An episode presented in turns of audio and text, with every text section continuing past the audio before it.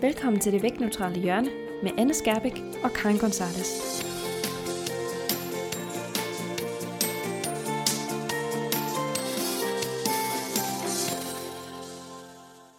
Hej alle sammen og velkommen til afsnit 5 af podcasten Det vægtneutrale hjørne. Mit navn er Anne Skærbæk. Og jeg hedder Karin Gonzalez, og i det her afsnit skal vi snakke om det sidste af de tre fokusområder inden for den vægtneutrale tilgang til sundhed, hvilket er nydelsesfuld bevægelse. Ja, og øh, hvis du endnu ikke har hørt afsnittene om de to andre fokusområder, øh, afsnit 3 om intuitiv spisning og afsnit 4 om kropsaccept, så øh, vil vi lige på det kraftigste anbefale dig at lytte til dem også. Øh, sådan så du har fået det hele med, kan man sige. For øh, vi har jo lavet de her afsnit for at skabe et overblik over de områder, man arbejder med, når man arbejder vægtneutralt. Og øh, som vi også snakkede om i afsnit 3 om intuitiv spisning, så er bevægelse jo faktisk en ret central del af tilgangen også. Ja, det er det nemlig. Øh, det niende princip inden for intuitiv spisning, det hedder netop bevægelse, mærk forskellen. Øh, og det er det her afsnit kommer til at handle om. Både hvad øh, nydelsesfuld bevægelse egentlig er, og hvordan det skiller sig fra den gængse måde at formidle om bevægelse. Øh, og vi kommer også til at tale en lille smule om vores eget forhold til bevægelse, og hvordan det har ændret sig, efter vi selv er begyndt at arbejde mere vægtneutralt. Og til sidst kommer vi også med et par forslag til, hvordan man kan hjælpe enten sig selv eller sine klienter til at få et lidt mere nydelsesfuldt forhold til bevægelse. Ja. Og øh, det kan være, at vi skal, øh, skal starte med lige at snakke lidt om, hvorfor bevægelse egentlig er så vigtigt for vores sundhed, og dermed jo også, hvorfor det er en, en, en central del af vægtneutral sundhed. Øhm, jeg tænker ikke, at det kommer som en overraskelse for særlig mange mennesker, at det er det. Øhm, jeg tror egentlig, at ret mange mennesker er klar over, at de fleste studier peger på, at det er godt for kroppen at bevæge sig, altså at fysisk aktivitet er øh, godt for os. Men, men noget af det, som måske ikke alle mennesker er klar over, det er, at det er godt for os, uanset hvilken kropsstørrelse vi har, eller hvilken vægt vi har. Øh, og at litteraturen faktisk netop viser, at bevægelse er godt for både vores fysiske og vores psykiske velvære, øhm, og at det faktisk er en af de bedste interventioner, vi har til at øge vores sundhed, hvilket er fuldstændig uafhængigt af, om den bevægelse rent faktisk gør en forskel for, hvordan vores krop ser ud, eller hvad vi kommer til at veje.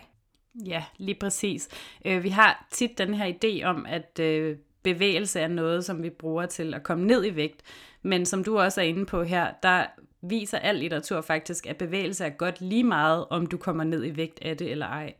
Øhm, og fysisk aktivitet kan for eksempel være med til at forebygge øh, type 2-diabetes og højt blodtryk, hjertekarsygdomme, alle de her øh, såkaldte livsstilssygdomme, ikke et begreb, som vi som sådan er så glade for normalt inden for den vægtneutrale tilgang. Øhm, men de her øh, øh, sygdomme, som øh, er kroniske, som type 2-diabetes, højt blodtryk, hjertekarsygdomme, kan alle sammen øh, blive forebygget og også øh, oftest forbedres via bevægelse, uanset om man taber sig i processen, øh, han har sagt. Det kan også, øh, bevægelse kan også være med til at mindske risikoen for for tidlig død, og være med til at forbedre ens kolesteroltal, igen uafhængig af vægttab. Så det er altså ikke, at du skal tabe dig, så får du et bedre kolesteroltal, bevægelse i sig selv uden vægttab giver også et forbedret kolesteroltal som regel. Øhm, derudover kan det selvfølgelig forbedre vores humør, det kan reducere symptomer på angst og depression og stress, mindske vores risiko for at udvikle demens, øge knogletæthed, forebygge knogleskørhed. Øh, ja, jeg kan jo blive ved. Der, der er virkelig mange fordele ved at bevæge sig. Øh, og behøver vi måske heller ikke at, at tale virkelig meget i, i langdrag om. Øh, men en af de ting, som er virkelig øh, relevant inden for for eksempel intuitiv spisning, er, at øh, bevægelse også kan være med til at forbedre vores appetitregulering.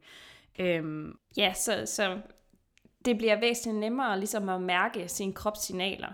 Øhm, og kroppen den bliver ligesom bedre til at være krop på en eller anden måde, øhm, jo mere vi bruger den. Og det er også en af de ting, der gør, at det er så godt for os at bevæge vores krop og være fysisk aktiv. Det er jo netop, at jo mere vi bruger kroppen, jo bedre bliver den til øhm, alle de fysiologiske mekanismer, der skal være med til at holde os sunde og raske. Så det er i virkeligheden med til at holde vores system i gang. Øhm, og derfor er det så sindssygt vigtigt, og jo i virkeligheden, hvis man skulle lave en intervention, øh, Øh, der skulle gøre noget gavnligt for ens sundhed, så skulle det være at bevæge sig mere. Og, øh, og det kan man jo gøre på, på rigtig, rigtig mange forskellige måder, som vi også kommer, kommer til at snakke om lidt senere. Men, men det er et rigtig vigtigt område, øh, selvom det måske ikke nødvendigvis fylder så voldsomt meget inden for den vægtneutrale tilgang. Der, der kommer intuitiv spisning jo rigtig ofte til at fylde rigtig meget. Men det er vigtigt for vores, øh, for vores sundhed og for, at vores krop den ligesom fungerer optimalt, at vi, vi sørger for at få brugt den og få bevæget den. Og her kan man så også lige nævne, at øh, selvom at vi selvfølgelig inden for den vægtneutrale øh, tilgang til sundhed øh, snakker om nødsesfuld bevægelse og også opfordrer folk til at finde en måde at bevæge sig på, som er rar for deres kroppe, øhm, så kan det også nogle gange være vigtigt at træde et skridt væk fra bevægelse, fordi der også kan være de mennesker, der ligger på den anden ende af skalaen. En, en ting er, at der er rigtig mange mennesker i vores samfund, som er meget inaktive, men der er også mange mennesker i vores samfund, der måske træner alt for meget og har et øh, lettere forstyrret forhold til træning. Øhm, så der, der går man også ind ved en vægtneutral sundhed og ligesom prøver at at skabe et lidt mere balanceret forhold til bevægelse, hvor at det altså ikke er den her alt eller intet tilgang med, at vi skal bevæge os, ellers så er vi ikke gode nok, ellers er vi ikke gode mennesker. For selvfølgelig er vi gode mennesker, også selvom at vi ikke bevæger os. Øhm, men inden for den vægtneutrale tilgang til sundhed, der handler det så om at prøve at finde en måde at bevæge sig på, som er rar for ens krop. Ja. Og der er du jo allerede inde på lidt af det her med, hvorfor øh, der egentlig er behov for en ændring i måden, vi bevæger os. Altså, fordi der er jo for rigtig mange mennesker øh, er en del problemer forbundet med den måde, de er fysisk aktive i dag. Altså fysisk aktivitet er jo i høj grad blevet kabret af diætkulturen som et middel til at kontrollere ens krop og til at kontrollere ens vægt. Og det er jo også derfor, vi ser, at der er rigtig mange mennesker, som udvikler et, et forstyrret forhold til træning, eller som minimum i hvert fald får et enormt anstrengt forhold til det at bevæge sig. Fordi det bliver sådan en, en kontrolting. Øhm, det bliver noget, man skal gøre. Der, der kommer sådan en, et, et moralsk imperativ over det der med, at vi skal være fysisk aktive. Øhm, og det, det ser vi jo altså specielt inden for fitnessverdenen, øhm, hvor det jo også rigtig ofte handler om at skabe ydre resultater, altså såsom for eksempel at opnå et vægttab, eller få mere synlige mavemuskler, eller få øh, squat butt, eller hvad man, hvad man nu kalder det. Øhm, det handler øh, lige pludselig også væsentligt mere om, om æstetik, end det egentlig handler om velvære og sundhed, og det er blevet noget, vi alle sammen skal gøre, for at se ud på en bestemt måde, og for at være gode nok som mennesker, øhm, og for at leve op til et eller andet øh, sindssygt ideal i virkeligheden, og også øh, lidt det her ideal om den her slanke, øh, meget fitte krop, som, som nok i virkeligheden er, er idealet på nuværende tidspunkt. Ja, og øh, man, man er jo gået over til det her med, at uh, strong is the new skinny, uh, og sådan nogle uh, fantastiske slagord, hvor at man netop har fokus på det her med, at uh, nu skal vi alle sammen være stærke, og vi skal være fitte, og vi skal være trænede. Uh, og problemet med det, og med den retorik, det er, at når vi taler om i vores samfund stærke og fitte og trænede, så taler vi om denne her idealiserede krop, som er uh, synlig sixpack uh, hos mænd måske, og måske også hos kvinder, og og hvad hedder det, smal talje og trænet øh, squat butt, som du siger, og så videre, og så videre. Øhm, så det hænger fast i denne her idé om, at for at være trænet øh, og for at være i god form, så skal det også sy- synes på kroppen. Og det er også det, der gør, at rigtig mange mennesker får den her idé om, at at øh, bevægelse det er noget, man skal bruge til at opnå den her krop, som er øh, idealet. Og hvis man ikke ser de her synlige resultater øh, udadtil, så hvis man ikke taber sig, eller man ikke får de her øh, flade maver, eller stramme rumper, eller hvad det nu skal være, øh, så føler man ligesom, at man ikke har gjort det godt nok, eller at så kan det sgu også være lige meget, for jeg kommer alligevel aldrig til at få den der krop, som jeg gerne vil have. Og i virkeligheden, så kan bevægelse jo bare så meget andet, end at skabe ydre resultater. Og hvis man begynder at kigge på bevægelse på en måde, hvor det handler meget mere om velvære og funktionalitet og styrke, øhm, så, så bliver det bare et noget andet forhold end det her øh, meget æstetisk præget, som, som fitnessbranchen i dag ofte har. Ja, så, så altså, som vi også snakkede om før, så er det blevet en meget tvangspræget handling for, for rigtig mange, det her med at være fysisk aktiv. Det er noget, der sådan er forbundet med alt eller intet tænkning. Så mange har den her tanke om, at hvis jeg ikke træner hårdt, eller hvis jeg ikke øh, følger min plan fuldstændig øh, præcis, så kan det hele også bare være lige meget. Eller hvis jeg ikke træner x antal gange om ugen, eller træner øh, specifikke øvelser, jamen så gælder det ikke. Så har jeg reelt set ikke været ordentligt fysisk aktiv. Altså der kommer en hel masse regler, der er forbundet op på, på den fysiske aktivitet, og, og man ser også rigtig mange, der bruger fysisk aktivitet som en form for straf eller kompensation for at have, for at have spist. Øh, og ikke nødvendigvis at have spist for meget, men, men bare det at spise, altså at, at mad bliver noget, man skal gøre sig fortjent til øh, igennem fysisk aktivitet, eller hvis man har spist for meget, jamen, så er man nødt til at forbrænde det øh, efterfølgende. Så og jeg tænker også, at det er er en af grundene til, at mange får så anstrengt et forhold til fysisk aktivitet, netop fordi det får sådan et strafelement over sig. Øh, at man er nødt til ligesom at straffe sig selv for at have spist noget. Hvor i virkeligheden så har vi jo brug for enormt meget energi, bare fordi vi er i live. Altså selv hvis vi lå fuldstændig vandret og ikke rørte os hele dagen, så ville vi jo stadig skulle bruge helt vildt meget energi for bare at holde vores krop kørende. Øhm, hvilket også er noget, jeg bruger rigtig meget tid på at snakke med mine klienter om, når, når vi kommer ind på det her emne. Det er ikke så tit, det sker, men for nogle af mine klienter, specielt dem, som øh, lider af ortoreksi, der er det her noget, der fylder rigtig, rigtig meget for dem. Øhm, og der bruger vi rigtig meget tid på at snakke om, at, at man altså ikke skal gøre sig fortjent til at spise, og at man ikke skal bruge motion til ligesom at, at straffe sig selv, eller til at kompensere for at have spist for meget. Altså det kan kroppen sagtens finde ud af at navigere i helt på egen hånd, hvis man, hvis man lytter til den. Og øh, ja, det, det er på ingen måde det, det er meningen, at vi skal bruge motion til. Nej, og faktisk så kan det jo også komme hen, gå hen og blive sådan en øh, øh, strategi, det her med at kompensere for, for sin mad, når du øh, altså træ, ved træning, det kan også gå hen og blive ret ødelæggende eller sådan modsatrettet, fordi når vi træner eller bevæger kroppen, så øger vi faktisk også ofte vores appetit. Altså når man har, hvis man har brugt kroppen rigtig meget, så vil kroppen ofte øh, være mere sulten bagefter, og du vil have lyst til mere mad. Så, så det giver ikke nogen mening, den her tankegang heller, at, at sige, Nå, men, øh, nu har jeg spist så så meget, så skal jeg forbrænde det hele. Fordi når du så har været ude og træne en masse, så vil kroppen bære om mere energi, fordi den siger, åh, nu har du brugt alt min energi, og jeg skal have noget, noget ny ind.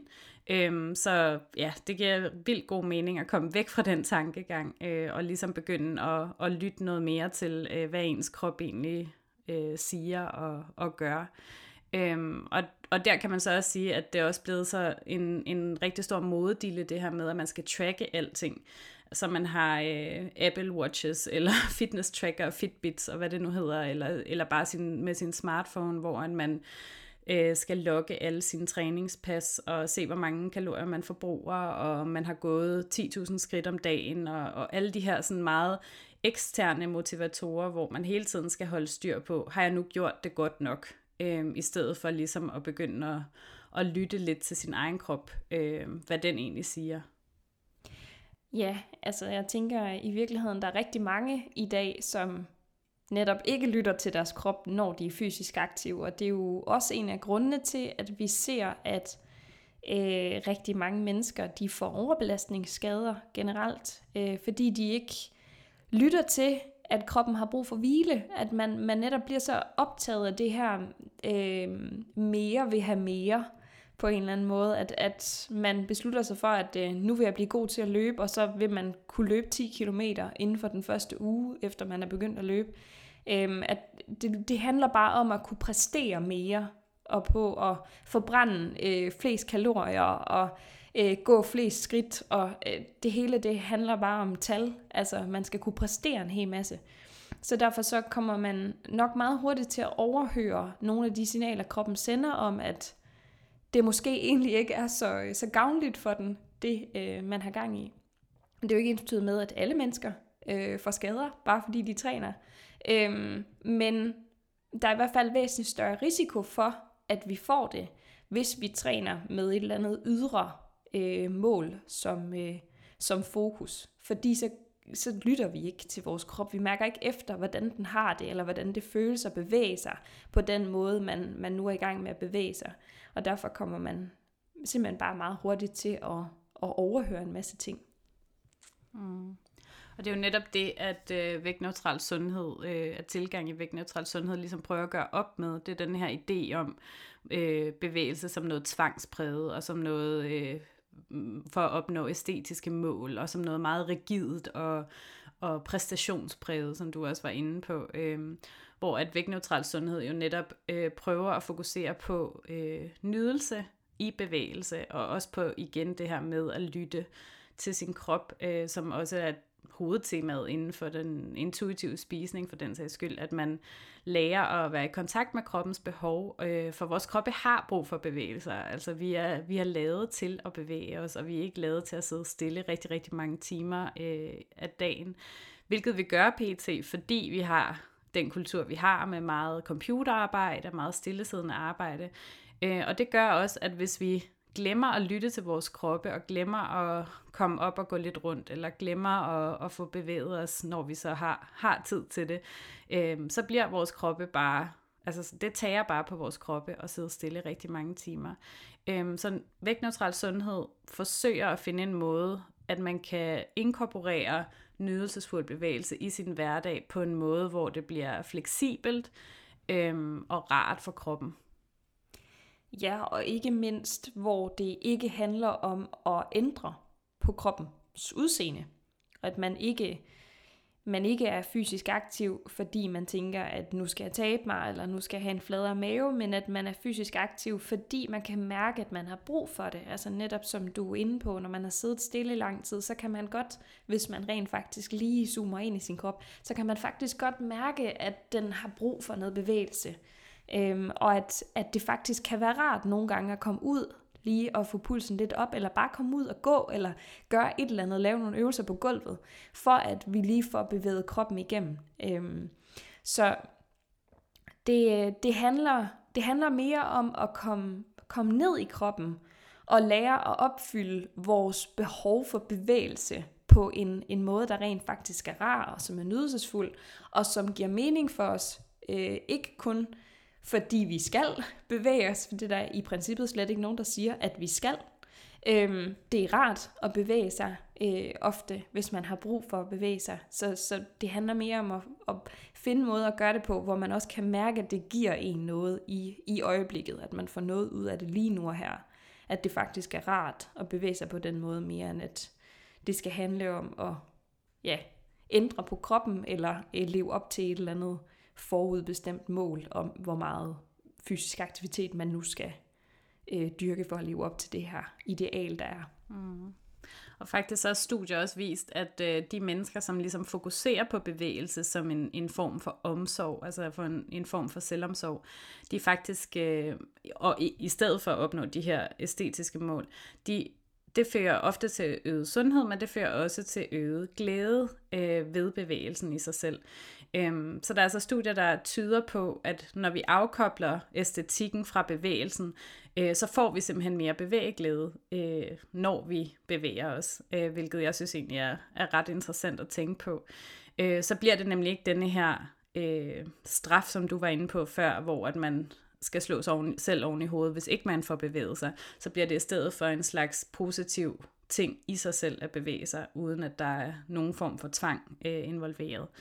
Øhm, og derudover så, øh, ja, som vi også sagde før, altså bevægelse er bare godt for vores kroppe, uanset hvad vi vejer, øh, lige meget hvad for en størrelse vi har.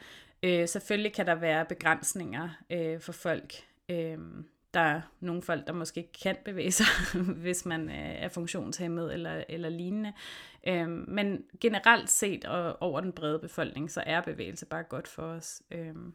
Ja, så, øh, så altså nydelsesfuld bevægelse er jo på mange måder et, et modsvar til den her øh, diætkulturs udgave af motion eller fysisk aktivitet hvor øh, nydelsesfuld bevægelse jo i højere grad handler om velvære, altså vi skal have det godt.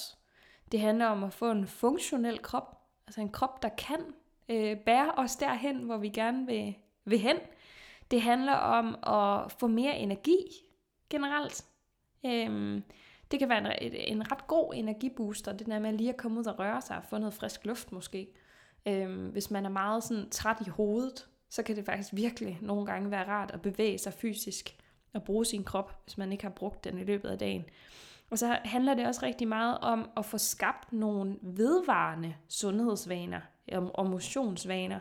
Øhm, fordi det vi jo rigtig ofte ser, det er, at hvis man, hvis man sætter sig mål, der er koblet op på vægttab eller på et eller andet, der skal ændres øh, udseendsmæssigt ved ens krop, jamen så kan det godt være, at man, man gør det i en periode, men lige så snart de der resultater så udbliver, eller det bliver for hårdt at blive ved med at opretholde det, så stopper man med at være fysisk aktiv. Hvor øhm, det er jo på mange måder vigtigt, at vi bliver ved med at bevæge vores krop. Og derfor så, så det skal være en rar oplevelse, det skal være en positiv oplevelse at bevæge den, fordi hvis det ikke er det, jamen, så bliver vi ikke ved med at gøre det. Øhm, og, og det er jo netop derfor, det er sindssygt vigtigt, at den bevægelse, vi finder frem til, at vi skal lave, at den rent faktisk er nydelsesfuld. Øh, at det ikke bare er noget, vi skal, vi skal kæmpe os igennem, øh, hvor vi ved at, føler, vi er ved at dø øh, hver evig eneste minut undervejs. Der har jeg i hvert fald stået mange gange på en, en øh, sådan kardiomaskine og følt, at mit liv var meget lidt værd, øh, vil jeg sige. Og, og det, er jo, det er jo lidt det, vi gerne vil væk fra. Altså fysisk aktivitet skal ikke være en straf, det skal ikke være noget, man tvinger sig selv igennem, det skal ikke være, føles som om man er ved at dø hvert øjeblik. Det skal rent faktisk være en nydelsesfuld, rar oplevelse, noget man har lyst til at blive ved med at gøre, og noget, hvor man ikke skal tvinge sig selv afsted til et eller andet hver tirsdag, øh, og, og det hænger en langt ud af halsen, men noget, hvor man tænker, yes, det her, det synes jeg er fedt. Mm. Nu skal jeg afsted, det er tirsdag, jeg glæder mig ud af døren. Ja.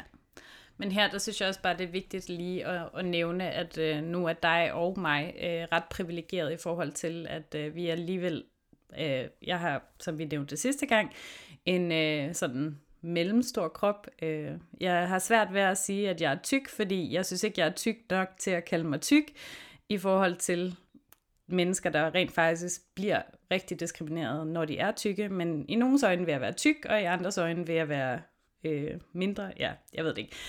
I hvert fald, jeg har en lidt større krop, men jeg kan stadigvæk øh, begå mig i verden uden nogen problemer. Og du har en lille krop, som du snakkede om sidste gang, mm. og kan også begå dig i verden og i fitnesscentrene, passe ind i alle maskinerne osv. osv. Øhm, og det er en ting, man lige skal have i mente, når man snakker om det her nydelsesfuld bevægelse, at det er ikke alle mennesker, det er let for at have et nydelsesfuldt forhold til bevægelse.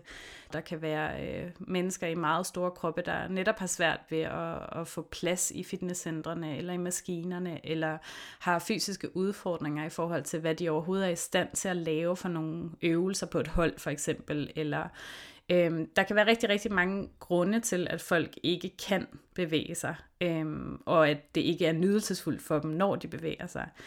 Øhm, og det kan selvfølgelig også være sådan noget som, at øh, som sociale udfordringer, at folk ligesom kigger skævt til en. Øh, har du en meget stor krop, og kommer du i et fitnesscenter, kan der være folk, der tænker, ej, hvad, øh, puha, det, det bryder mig ikke om, eller hvad, hvad ved jeg. Øhm, og ja, det kan i hvert fald gøre, at det kan være rigtig, rigtig svært og utrygt for mennesker i meget store kroppe at dyrke motion eller bevægelse i det offentlige rum. Og det sætter jo også nogle begrænsninger på, hvad for noget bevægelse de føler, at kan være trygt at, at lave. Øh, og derudover så er der også rigtig meget, øh, rigtig ofte internaliseret overbevisninger om, hvad tykke kroppe kan og ikke kan. Øh, vi får ofte en historie fortalt om, øh, at tykke kroppe hurtigere bliver forpustet, at tykke kroppe, øh, hvis du har ømme led, så er det fordi, du er tyk. Øh, og at altså, alle de her ting, det passer selvfølgelig ikke. Altså selvfølgelig er der både tynde og tykke mennesker, der har ledproblemer. Øh, det er ikke nødvendigvis fordi, du er tyk, at du bliver forpustet. Det kan også være fordi, at du simpelthen øh, ikke er vant til at lave den aktivitet, du bliver forpustet af, eller at du har brug for at styrke dine muskler. Øh, for at du bedre, øh, eller styrke din kondition for den sags skyld, øh, gøre den aktivitet, du bliver meget forpustet af noget oftere, ligesom man ville skulle, når man var tynd, for den sags skyld.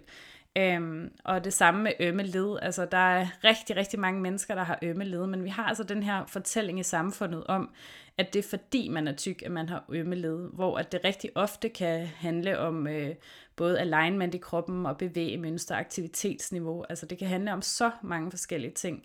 Og kommer der et tyndt menneske med ømme led, så bliver de ofte sat til at lave nogle forskellige øvelser hos en fysioterapeut, og øh, skal træne omkring de led, de er ømme i. Men kommer der en tyk person, så får de ofte bare at vide, at det er fordi, de er tykke, så de skal hellere tabe sig. Øhm, og det er jo et, et samfundsproblem. Altså det er samfundet, der sætter barriere for tykke mennesker i forhold til øh, at bevæge sig, hvilket jo på ingen måde er færre. Altså. Og den vægtneutrale tilgang til sundhed ser jo også netop på sådan noget som strukturelle problemer og social retfærdighed, at vi burde have et offentligt rum, hvor at tykke mennesker kan dyrke motion på lige fod med alle andre mennesker, uden at skulle udskammes, eller stigmatiseres, eller udpeges, eller uden at føle, at der simpelthen ikke er plads til dem i det offentlige rum. Ja, så, så når vi snakker nydelsesfuld bevægelse, så er vi jo også nødt til at tage hensyn til, hvor det pågældende menneske befinder sig. Altså, hvad er deres nuværende aktivitetsniveau? Hvad er deres øh, nuværende konditionsniveau? Fordi øh, det er nok virkeligheden mere det, det handler om, end det handler om, hvilken kropsstørrelse de har. Altså, som, som du også selv er inde på, jamen, en tynd person, der er i dårlig form, bliver da øh, lige så let forpustet, når han hun skal gå op ad trappen som en, en tyk person i dårlig form. Men omvendt, så hvis man er i god form, øh, og man er tyk, så er det slet ikke sikkert, at man bliver øh, til nærmestesvis lige så forpustet som en, øh, en tynd person i dårlig form. Altså, så det handler ikke så meget om, hvad det er for en, en, en krop, man har, men mere, hvad er ens udgangspunkt, og så må vi arbejde rundt omkring det. Øhm, og ofte så er der jo noget, man kan gøre, selv med det udgangspunkt, man har. Øh, så hvis man er i rigtig, rigtig dårlig form som, øh, som udgangspunkt, så må man jo starte i, i de lette kategorier. Altså så kan sådan noget som bare gå en tur jo faktisk øh, gøre en, en enorm stor forskel. Øhm, ofte skal der, skal der slet ikke så meget til, før man får en effekt ud af det, hvilket også desværre er en af de myter, der er inden for, øh, for motion, at det er lidt ligesom, at der er den her myte om, at du skal spise øh, 600 gram frugt og grønt om dagen, og hvis ikke du kommer op på 600 gram, så kan det hele også bare være lige meget, fordi det ligesom er der, den skiller. Det er først, når du kommer derop, at det begynder at gøre en forskel, og det er jo noget værre fis, altså fordi alt grønt eller frugt er jo bedre end ingen grønt eller frugt, så, og i virkeligheden er det nok de første stykker grønt og frugt, man spiser, der gør den største forskel, og jo mere du så spiser oven i det, så stiller effekten ligesom lidt af. Og det er jo lidt det samme her. Øh, det, det er også øh, de første former for motion, du gør, der gør den største forskel, og jo, jo mere motion, der så bygger oveni, jamen, så stiller effekten lidt af. Så man kan gøre ret meget med ganske, ganske lidt. Øhm, og der er ikke nogen bare for, hvornår du har bevæget dig nok til, at det gør en forskel. Altså al bevægelse øh, tæller med, og det er jo i virkeligheden en meget, meget bred kategori, når vi snakker bevægelse. Fordi bevægelse kan jo være alt fra at gå en tur til at cykle på arbejde, til at luge i haven og lege med sine børn og øh, dyrke yoga. Og, altså, der er virkelig mange forskellige muligheder. Øhm, og nok i virkeligheden også mange, mange flere muligheder, end hvad de fleste mennesker tænker, vil til med i sådan, et, øh, i sådan en kategori i virkeligheden. Mm. Ja, og jeg tror virkelig, vi har en idé om i dag, at når vi taler bevægelse eller træning, øh, som jo nok er det ord, der bliver brugt allermest, at så handler det om et fitnesscenter. Altså det er som om, at folk de tænker, øh, ja, eller en, en løbetur, eller hvad ved jeg, men det, det er som om, at folk har sådan den her meget snævre tankegang om, hvad træning indebærer, og hvad der, at det, det er noget med at skulle ned i et fitnesscenter og løfte nogle vægte og sådan noget. Og det kan det også være, det er også bevægelse. Men som du også er inde på, altså der findes så mange måder, vi kan bevæge os på. Det kan også være at danse rundt øh, inde i sin egen stue, eller hvad ved jeg. Der findes så mange måder, at vi kan bevæge os på. Så det her med at have det her meget snævre øh, syn på, at det skal være et fitnesscenter, det skal være så og så mange minutter og sådan noget, som du også var inde på øh, tidligere med, at det bliver så rigidt. Øhm, det, og det bliver den her alt eller intet tankegang med, at jamen, jeg skal helst træne nede i fitnesscenteret, og jeg skal gøre de og de og de øvelser, ellers er det ikke godt nok. Øhm, og det er netop det, at den vægtneutrale øh, tilgang til sundhed gerne vil væk fra i forhold til nydelsesfuld bevægelse, og som du også siger, altså lidt har også ret, al bevægelse tæller. Der er ikke noget bevægelse, der ikke er godt nok, øh, og der ikke er øh, korrekt for den sags skyld. Øhm. Ja, og øh, jeg tænker sådan, øh, inden vi bevæger os videre til det her med, ja, vi har jo allerede været lidt inde på det, men hvad, hvad, hvordan arbejder man så helt præcis med, med, med nydelsesfuld bevægelse inden for vægtneutral sundhed? Så jeg tænker at det måske kunne, øh, kunne være fint at give sådan et lille billede af, hvordan vi selv har arbejdet med det her felt. Øh, det er ikke nødvendigvis noget, vi har snakket så meget om i de andre podcasts, øhm, men jeg tænkte egentlig, det var, det kunne måske være relevant for nogen at høre her. Øhm, og jeg tænker, at det er noget, vi, vi begge to har været igennem i et eller andet omfang. Så øhm, måske du kunne tænke dig at starte, Karin, med at fortælle lidt om, hvordan du ligesom er er kommet frem til noget, der er mere nydelsesfuldt. ja, men det kan jeg godt. Altså, jeg vil, jeg vil næsten sige, at mit forhold til bevægelse faktisk var nydelsesfuldt, da jeg var yngre. Øh, jeg var meget aktiv, da jeg var barn, og spillede alle mulige forskellige sportsgrene, øh, og kastede min kærlighed på håndbolden, da jeg var, ja, der har nok været en 8 år, 10 år, 8, mellem 8 og 10 år, jeg kan ikke huske, hvornår jeg startede. øhm, men i hvert fald, øh, så spillede jeg rigtig meget håndbold, og var rigtig aktiv, og var vild med at være sammen med de andre på mit hold, og havde det bare rigtig sjovt. Øhm, men da jeg så blev øh, teenager, så fik jeg en øh, ret slem knæskade, som jo desværre er ret typisk for håndboldspillere, øh, som gjorde, at øh, jeg skulle opereres i knæet i en alder af, jeg ikke huske, om jeg var 14 eller 15, men jeg i hvert fald det var ikke en særlig fed alder at blive sat ud af spillet. Øhm, og det gjorde også, at jeg ligesom mistede det her fællesskab omkring sporten, fordi at efter min knæskade, der turde jeg simpelthen ikke spille håndbold igen. Det satte bare en skræk i livet øh, for mig. Øhm, og efter det, så skulle jeg ligesom finde nogle andre måder at bevæge kroppen på, for jeg ville jo stadig rigtig, rigtig gerne bevæge mig. Øh, og så blev det bare til sådan et alt eller intet forhold. For, både fordi jeg aldrig rigtig fandt noget, som jeg synes var lige så sjovt som håndbold, eller holdt, altså boldsporte øh, generelt. Øh, men også bare fordi, at det blev sådan meget med, at når, hvis jeg skulle løbe, så skulle jeg i hvert fald mindst løbe så så lang tid, og så så langt. Øh, og have de her mål hele tiden med, at jeg skal løbe en... Øh, jeg har for eksempel løbet en halvmarathon gør det aldrig igen. Det var helt forfærdeligt. Men i hvert fald, øh, så havde jeg altid sådan et eller andet træningsmål med, om det så var, at jeg skulle løbe så og så mange kilometer, eller jeg skulle løbe så og så hurtigt, eller alle de her ting.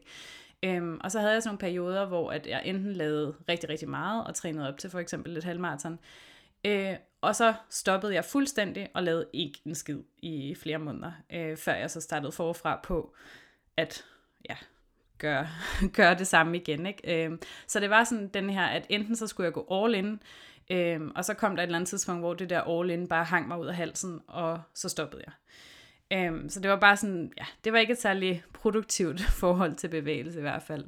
Øhm, og da jeg så blev lidt ældre, og også gik på øh, sundhed, ernæring og sundhedsstudiet, så tænkte jeg, at når jeg, men øh, det kunne være, at jeg skulle blive personlig træner, fordi at så kunne jeg da i hvert fald lære, og, hvordan man styrketrænede ordentligt, og så ville jeg i hvert fald få den her perfekte, smukke, øh, ideal krop, og øh, øh være super toptrænet. Øh, hvilket er lidt sjovt, for jeg er overhovedet ikke interesseret i styrketræning, og havde aldrig været det. Jeg havde trænet lidt i fitnesscenter indimellem, før jeg blev personlig træner, men det har bare aldrig nogensinde været min interesse, så det var bare ja, mega forstyrret, at jeg tænkte, selvfølgelig skal jeg bruge en masse penge på at blive personlig træner. Spild af tid. Ja, så et godt råd herfra. Lad, lad være med at blive personlig træner for at blive, øh, blive mester i at lave en disciplin, du egentlig ikke kan lide. Yes, helt præcis. Øh, nej, lang historie kort. Jeg er i dag personlig træner, har aldrig brugt uddannelsen til særlig meget andet end at tage den. Øhm, og derefter var jeg også, øh, så begyndte jeg at gå meget til yoga og sådan noget, øh, selvom jeg faktisk overhovedet heller ikke synes, at yoga er særlig sjovt. Øh, jeg er sådan en person, der rigtig godt kan lide at få pulsen højt op, øh, og det får man bare ikke af yoga. Øh, men jeg bildte mig selv ind, at hvis man skulle være rigtig sundhedsfanatiker, så skulle man altså gå til yoga. Øhm, og ikke noget dårligt om yoga. Jeg ved, der er rigtig mange mennesker, der synes, at yoga er helt fantastisk og øh, får rigtig meget ud af det. Men øh, det gjorde jeg bare ikke. Det, det blev bare sådan en, en til ting, som, nå ja, det burde jeg også gøre. øhm, men ja, det, og det hele handlede bare om for mig at finde en eller anden måde at bevæge mig på, hvor at jeg kunne øh, blive eller holde mig tynd eller opnå den her perfekte krop. Det handlede altid for mig om noget ydre. Øhm, og hvis der ikke var ikke vægttab involveret, eller hvis jeg ikke kunne synligt se på min krop, at der skete noget, så opgav jeg al motivationen. Altså det var virkelig bare sådan, ej, nå, så kan det sgu også være lige meget. Øhm, ja, så det har, det har virkelig taget meget arbejde for mig at afvikle den her følelse af tvang i forhold til bevægelse. Øhm, og begynde at lytte mere til min krop, og også tage de pauser, som jeg har brug for med min krop. Øhm, det er ikke nemt, det har faktisk været taget rigtig, rigtig lang tid, og, og jeg kan til tider den dag i dag endda få sådan nogle tanker ind imellem med, at jeg burde også, jeg burde også bevæge mig lidt mere, eller jeg burde også. Øh, og når jeg får de her tanker, så er jeg heldigvis et sted nu, hvor at jeg kan fange dem og tænke, nej, altså hvem siger, jeg burde det? Altså hvordan har jeg det lige nu? Hvad har jeg brug for? Hvad jeg har lyst til? Øhm, men øh, det sidder der altså stadigvæk meget langt inde bagved, øh, hvilket det nok vil blive ved med altid, tænker jeg. Øh, men ja, jeg er i hvert fald øh, kommet til et sted nu, hvor at jeg altså, gør det, jeg gerne vil, og, og det min krop kan. Øh, jeg har været uheldig at få svangsenebetændelse efter øh, løbe i nogle forkerte løbesko, øh, og har trænet mig ud af det i, med forskellige fodøvelser og sådan noget. Øhm, selvom at jeg lige havde fundet ud af, at løb bare var, det var lige mig. Jeg kan rigtig godt lide at løbe faktisk. Øhm, så det var sådan lidt tilbage til øh, square one, og så skulle jeg ligesom finde ud af, nå, når jeg ikke kan løbe, hvad kan jeg så? For jeg kan også godt mærke på min krop, at jeg har brug for at bevæge den. Øhm, så ja, i dag der er det sådan lidt gå, løbe, styrketræne, hoppe på trampolin med mine børn, slå græs, svømme, cykle, hvad jeg nu ellers lige sådan kan få, få ind i min hverdag, og hvad der føles rart. Øhm, og ja, jeg har bare et meget mere afslappet forhold til bevægelse i dag, og når jeg ikke at bevæge mig særlig meget i løbet af en uge, så er det ikke noget, der panikker mig, og det er ikke noget, jeg bliver bekymret for. Øhm, så ja, jeg, jeg føler i hvert fald, at jeg er kommet til et sted, hvor at jeg har et mere nydelsesfuldt forhold til bevægelse i hvert fald. Hvordan, øh, hvordan med dig? Jamen, øh, jamen, det er jo heldigvis også i dag, kan man sige. Øhm, men, øh, men jeg tror, jeg har det meget ligesom dig på det punkt. Øh, godt nok ikke i forhold til øh, det her med at have et nydelsesfuld bevægelse til det i ungdommen, fordi det har jeg godt nok bare aldrig haft. Øhm, jeg husker meget, meget, meget, meget tydeligt, hvor meget jeg havde idræt. Og generelt havde jeg også sport. Altså, jeg har gået til alt muligt forskelligt, men det har alt sammen været sådan noget, jeg har gået, gået til i meget korte, korte perioder. Øhm, nok fordi det sådan ikke rigtig lige helt har fanget mig. Øh, det eneste, jeg sådan husker, jeg har gået til i en, en længere periode øh, af gangen, det er sådan noget showdance. Men, øh, men mit problem var, at jeg var øh, knaldhammerende sceneskræk. Øh, så hver gang vi skulle ud og, øh, og opvise de her rutiner, vi har brugt så lang tid på at øve, så turde jeg simpelthen ikke, øh, og endte ofte med at blive væk. Og det, det, øh, det er jo ikke særlig fedt for de andre, jeg dansede sammen med, men, jeg, men øh, jeg, ja, jeg kunne rigtig godt lide at bevæge mig til musik, kan jeg huske. Øhm, men, men som sportsgren fungerede det altså ikke lige helt. Men, øhm, men altså, man kommer jo sjældent uden, udenom det at skulle bevæge sig når man så møder diætkulturen, hvilket jeg jo også øh, gjorde, øhm, omkring 9. klasse eller sådan noget, hvor det, hvor det var der mit forstyrrede forhold til mad sådan for virkelig, øh, eller for alvor begyndt at blomstre. Øhm, og der kan jeg da også huske, øhm, at da jeg kort tid efter startede på, øh, på gymnasiet, at det var første gang, jeg meldte mig ind i et fitnesscenter, og så blev det meget, meget, meget tvangspræget derfra. Altså så var det netop sådan noget med kardiomaskiner, og så skulle man hen og lave maveøvelser og rygøvelser bagefter. Det var sådan meget lavpraktisk. Øh, der var ikke rigtig nogen hold og sådan noget, øh, der hvor, hvor jeg gik. Det var dødens pølse. Jeg havde det. Men det skulle jo til, fordi man skulle jo være sund, og man skulle være slank, og man skulle alt muligt. Øhm, og det, har, det holdt jo ved i rigtig, rigtig mange år. Altså nu har jeg jo haft ortoreksi i otte år i mit liv. Øhm, og i alle de år har jeg jo forsøgt at gøre alt, hvad jeg fik at vide af den her diætkultur, at jeg skulle, så jeg har brugt rigtig, rigtig lang tid på styrketræning, jeg har brugt rigtig lang tid på kardiotræning, jeg har brugt rigtig lang tid på rigtig mange ting, som jeg faktisk virkelig havde. Øhm, og jeg tror først, det var, da jeg begyndte at komme ud på den anden side, altså da jeg havde arbejdet med mit forhold til mad, og havde arbejdet med mit forhold til min krop, at jeg lige pludselig kunne mærke, hvor meget jeg egentlig havde at træne. Så, så jeg endte faktisk med øhm, i en lang periode at holde en pause fra træning, at melde mig ud af fitnesscenter og kunne bare, altså alt hvad der lugtede bare den mindste smule af tvang eller af sundhed, det reagerede jeg helt vildt voldsomt på. Så jeg havde bare brug for at få det på afstand øhm, og finde ud af, hvad jeg egentlig godt kunne lide øhm, at lave. For det tror jeg aldrig nogensinde, har tænkt over før det. Altså, hvordan jeg godt kan lide at bevæge min krop. For der er ikke nogen tvivl om, at min krop godt kan lide at bevæge sig. Øhm, jeg har bare tvunget den til bevægelse, jeg virkelig havde i, i rigtig, rigtig mange år, og det synes jeg var lidt synd for den. Men, øhm, men ja, efter en længere pause, og sådan, sådan er det ofte med mig, jeg kan godt nogle gange have nogle pauser, hvor jeg virkelig bare ikke har lyst til at bevæge mig, men så kommer behovet for bevægelse tilbage til mig, altså så kan jeg virkelig begynde at mærke, ej, hvor har jeg brug for, altså behov for at komme ud og bevæge mig nu. Jeg får lige pludselig lyst til at løbe en tur, får lyst til at tage ned i et fitnesscenter og lave et eller andet. Øhm, og det begyndte også heldigvis at komme tilbage, efter jeg havde taget et, øh, en lang, lang, lang pause. Øhm, så prøvede jeg at melde mig ind i et nyt center, øhm, og prøvede faktisk en overgang at gå til spinning sammen med min svigermor og min svigerinde, fordi jeg tænkte, at, at det der sådan sociale element i det ville kunne hjælpe mig en lille smule. Øhm, og i starten var det faktisk også fint. Og øh, jeg fandt ud af, at noget af det, jeg godt kunne lide ved spinning, det var, at man sådan kan køre i takt til musikken. Det er sådan, man skal følge øh, en bestemt rytme, og sådan, det synes jeg var mega fedt. Men det var bare også ligesom om, at de der spændingtimer, de blev bare længere og længere. Øhm, og jeg stoppede virkelig med at have lyst til at, at komme afsted til det. Altså, jeg kunne godt lide musikken, men jeg synes, det var dødens pølse, når først jeg sad der.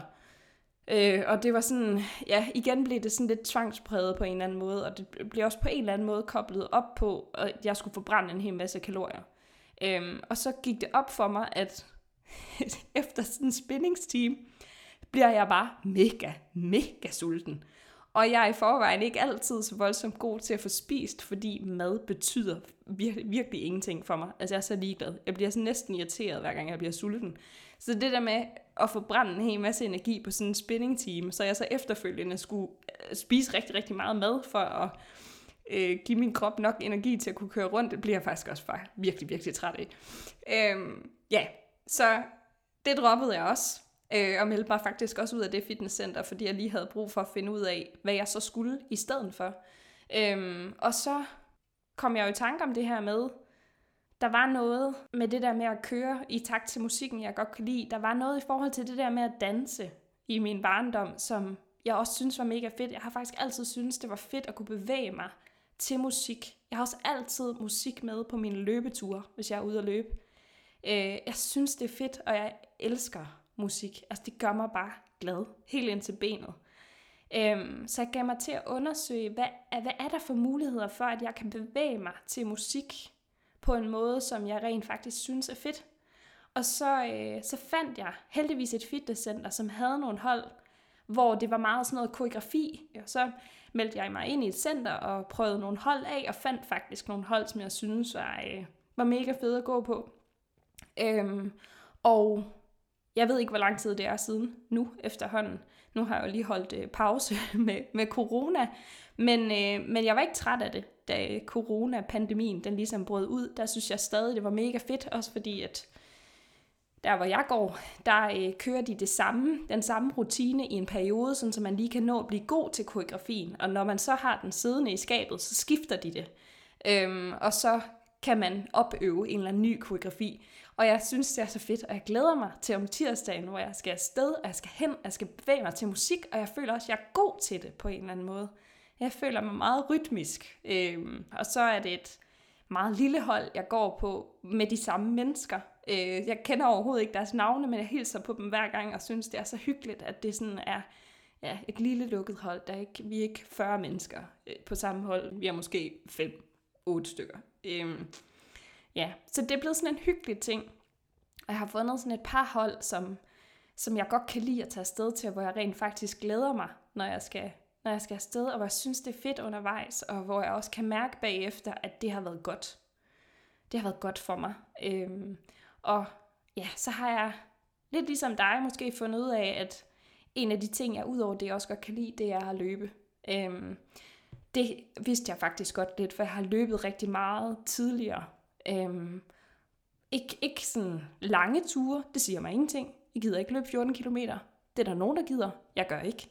Jeg løber 4,5 måske, max. øhm, men jeg hygger mig, mens jeg gør det. Har god musik i ørerne. Og nogle gange, så går jeg også bare turen i stedet for. Altså, jeg har ingen, øh, overhovedet ikke nogen ambitioner om, hvor langt jeg skal løbe, eller hvor hurtigt jeg skal løbe. Jeg lytter bare til min krop, tager mit løbetøj på, begynder, mærker efter undervejs. Lige pludselig så kan det være, at jeg har lyst til at spurte. og bare få pulsen helt vildt højt op. Så kan det være, at jeg har lyst til at lave noget interval. Det kan også være, at jeg bare har lyst til at lunde det hele, hele vejen. Øh, det er ofte det, der sker. Og det går ikke særlig hurtigt, hvis jeg har meget korte ben. Men det er okay, fordi det føles rart, øh, mens jeg gør det. Og øh, ja, udover det, så cykler jeg meget. Altså, jeg, vi har ikke nogen bil, så, og vi bor 5-6 km fra Aarhus Centrum, så altså, jeg cykler til det meste, når jeg kan. Tager trappen, øh, og ellers så, ja, bruger min krop, går op og handler. Altså, laver altså noget dagligdags aktivitet. Øhm, og det kan jeg egentlig meget godt lide, det der med at bruge kroppen øhm, til noget, der har en eller anden form for funktion. Øh, jeg tror ikke, det der med sådan bare cykle en tur for at cykle en tur, vil sige mig ret meget. Øhm, men, men det giver sindssygt god mening for mig sådan at tage cyklen ned til universitetet eller ned til byen, fordi det har en eller anden funktion, og så føles det lidt som sådan gratis motion oveni, plus at det ofte er hurtigere, end at skulle, øh, skulle tage en bus.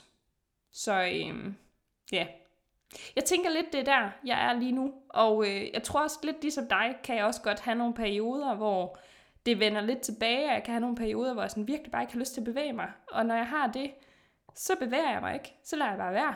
Så lytter jeg til min krop, og så tænker jeg, nå, det, øh, det har jeg så ikke lyst til lige nu. Øhm, men jeg ved, det kommer tilbage igen, og specielt hvis jeg rent faktisk giver mig selv lov til ikke at bevæge mig, når jeg ikke har lyst til det. Så ved jeg, at på et eller andet tidspunkt, så kommer der sådan en spirende fornemmelse af, åh, oh, det kunne også være lækkert lige at komme ud og løbe en tur, eller det kunne også være rart lige at gøre det her. Øhm, og så bliver det sindssygt nydelsesfuldt, når jeg så endelig gør det. Og så affinder jeg mig med, at øh, min krop ikke altid har lyst til at bevæge sig. Og jeg tror i virkeligheden, at det er det, der er øh, definitionen af et nydelsesfuldt forhold til bevægelse. Ikke? Det er også den her form for fleksibilitet. Øh, at man netop lytter til kroppen, når den har brug for at hvile, at man netop øh, siger, okay, i dag har jeg lyst til det her, i dag har jeg lyst til slet ikke at lave noget, i dag har jeg lyst til at løbe, i dag øh, har jeg lyst til at gå, eller hvad ved jeg. Øhm, og det er det, nydelsesfuld bevægelse er i essensen, ikke? Altså at man, når man vælger ikke at bevæge sig, så er det helt fint. Så kommer der ikke en hel masse, ej, det burde jeg også, og hvorfor gjorde jeg ikke det, og ej, det var også for dårligt, og nu havde jeg lige sagt, jeg ville, og alle de her ting. At så er det ligesom bare, nej, det føles ikke rigtigt i dag, så nu bevæger jeg mig ikke i dag. Og så kan det være, at jeg gør det i morgen, og hvis jeg ikke gør det i morgen, så går det nok. Altså, den her fleksibilitet i forhold til, at vi kan vælge at bevæge os, når vores krop har brug for det, og lytte til vores krop, men vi kan også vælge at lade være at bevæge os uden at der så kommer en hel masse skyld og skamfølelser og dårlig samvittighed over, at man ikke kommer afsted. Øhm, så det kan man i hvert fald sige, det, det er sådan for mig i hvert fald at se, at det er ligesom indbegrebet af, hvad et nydelsesfuldt forhold til bevægelse er. Ja, det er præcis. Og øhm, hvis vi lige skal prøve ikke kun sådan at samle op på vores historie, men også sådan at øh, gøre det lidt mere generelt, øh, og snakke lidt om, jamen, hvordan arbejder man så vægtneutralt med, øh, med nydelsesfuld bevægelse. Og øh, jeg tænker jo, vi jo nok egentlig begge to har været inde på det, og jeg tænker, at de fleste mennesker har brug for måske i en periode lige at holde en pause fra træning. Øh, og få den her diætkulturs opfattelse af træning lidt på afstand. Øhm, jeg oplever i hvert fald, at der er rigtig mange, der når først de kommer til, øh, til det punkt, hvor de har arbejdet med deres forhold til mad, og de har arbejdet med deres krop osv., øh, så er der det her træning tilbage, som bare hænger dem langt ud af halsen, fordi diætkulturen bare har ødelagt det så meget for dem. Mm. Øh, og der har man altså nogle gange bare brug for lige at bare holde op med at være fysisk aktiv. Og, øh, og mens man lige giver sin krop en pause, og øh, lade være med at forsøge at leve op til alle de her åndssvage idealer, så kan man jo lige bruge tiden på at blive klogere på, hvilke erfaringer man har fra tidligere øh, med træning, hvad der egentlig har været sjovt, hvad der har været knap så sjovt. Altså lige prøve at dykke lidt ned i det. Er der egentlig nogle, nogle træningsformer, som jeg har synes var, var, var meningsfulde for mig? Øh, og er der rigtig, eller, og, og hvad af den træning, jeg har lavet, har føles rigtig meget som tvang. Sådan så man lige kan, kan stoppe op et øjeblik og blive klogere på, hvad er min situation lige nu, hvad har jeg egentlig af erfaringer, som jeg kan trække på fremadrettet. Mm. Og her tror jeg også bare, det er vigtigt at nævne, at, at selvfølgelig i, for, i den her periode, hvor man så kan, ligesom kan finde ud af, hvad kan jeg godt lide at lave, hvad har været sjovt, hvad har ikke været sjovt, der skal man selvfølgelig også have i mente, at der er forskellige muligheder for forskellige mennesker. Det er ikke alle mennesker, der har råd til at gå i fitnesscenteret, eller det er ikke alle mennesker, der har øh, viden til at styrketræne derhjemme, for eksempel, eller at der har... Øh, hvad hedder det, råd til at gå til yoga, eller hvad, hvad det nu kan være, at gå i svømmehallen, eller, eller hvad, hvad for noget motion, der nu ellers kunne være rart for ens krop. Øh, og så handler det jo selvfølgelig om, måske synes jeg i grunden, at sænke barn. Altså at finde ud af, okay, jeg kan rigtig godt lide at styrketræne. Øhm, jeg har ikke råd til at gå i fitnesscenteret. Okay, hvad kunne jeg gøre herhjemme, som minder om det? Øhm, eller hvis man øh, godt kan lide at gå, jamen okay, men så ud og gå en tur, og, og hvis man så ikke rigtig har en masse omgivelser, hvor det er særlig fedt at gå, kan man så gøre den her gåtur rarere ved at lytte til en lydbog, eller lytte til musik, som du snakker om, også at gøre dig rigtig glad, eller snak med en øh, god veninde eller ven, mens man går, eller hvad det nu kan være. Altså, hvordan kan man finde øh, en form for fysisk aktivitet, som man synes om. Det behøver ikke altid være, fordi altså nu snakker, snakker vi meget om nydelsesfuld bevægelse. Bevægelse behøver ikke altid være fra start til slut. Jeg elsker det her, det er det bedste i verden, jeg nyder 100% af det. Det handler også rigtig meget om, hvad det er for en følelse, vi får af det. Og det vil også sige, at bevægelse ikke altid er 100% nydelsesfuld, og der vil måske være øh, nogle former for bevægelse, som man laver, fordi man kan mærke, at det giver en god energi, eller øh, man kan godt lide den følelse, man får i kroppen bagefter, selvom at man måske ikke synes, det er vildt sjovt hele vejen undervejs. Øh, så igen, det handler om at finde ud af, hvad er det for nogle ting, som jeg får ud af at bevæge mig på den her måde, øh, og hvad er det for nogle ting, der kan gøre, at jeg vil blive ved med at bevæge mig på den her måde. Øh. Ja. Ja, så som vi også snakkede om tidligere, så er man jo nødt til at tage udgangspunkt i, hvad har jeg af muligheder i forhold til den krop, jeg er i. Der kan være nogle udfordringer i forhold til, hvad der kan rent fysisk lade sig gøre. Det kan være, at der er nogle udfordringer i forhold til, hvad der sådan rent økonomisk kan lade sig gøre. Øhm, og så må man jo tage udgangspunkt i det. Det kan jo også være, at man slet ikke har nogen øh, hverken fysiske eller økonomiske kvaler, og i princippet bare kan, kan vælge frit på alle hylder. Øhm, og det skal der jo også være plads til. Øhm, men jeg tror, at det vigtigste det er, at man, man mærker efter i sig selv, hvad man egentlig godt kan lide at lave. Altså hvad der ville kunne øhm, give mening at blive ved med at lave også over en, en længere periode. Ikke at man behøver at lave den samme aktivitet resten af livet, fordi sådan øh, behøver det jo heller ikke være. Altså det er ikke sådan, at man skal øh, committe sig til at dyrke den samme form for bevægelse resten af livet. Altså man må gerne have en periode, hvor man laver lidt det ene, og så kan det være, at man kører lidt død i det, og så laver man lidt det andet, og det er også fint. Men, øh, men det der med sådan lige at prøve at mærke efter, når man føler sig klar til det. Øh, fordi det kan som sagt godt være, at man lige har brug for at få det hele lidt på afstand, og slet ikke tænke på træning i en periode. Men når man så føler sig klar til det, så kan man øh, begynde at tænke lidt på, hvad, hvad giver så mening for mig? Er det, er det en god tur med en podcast i ørerne?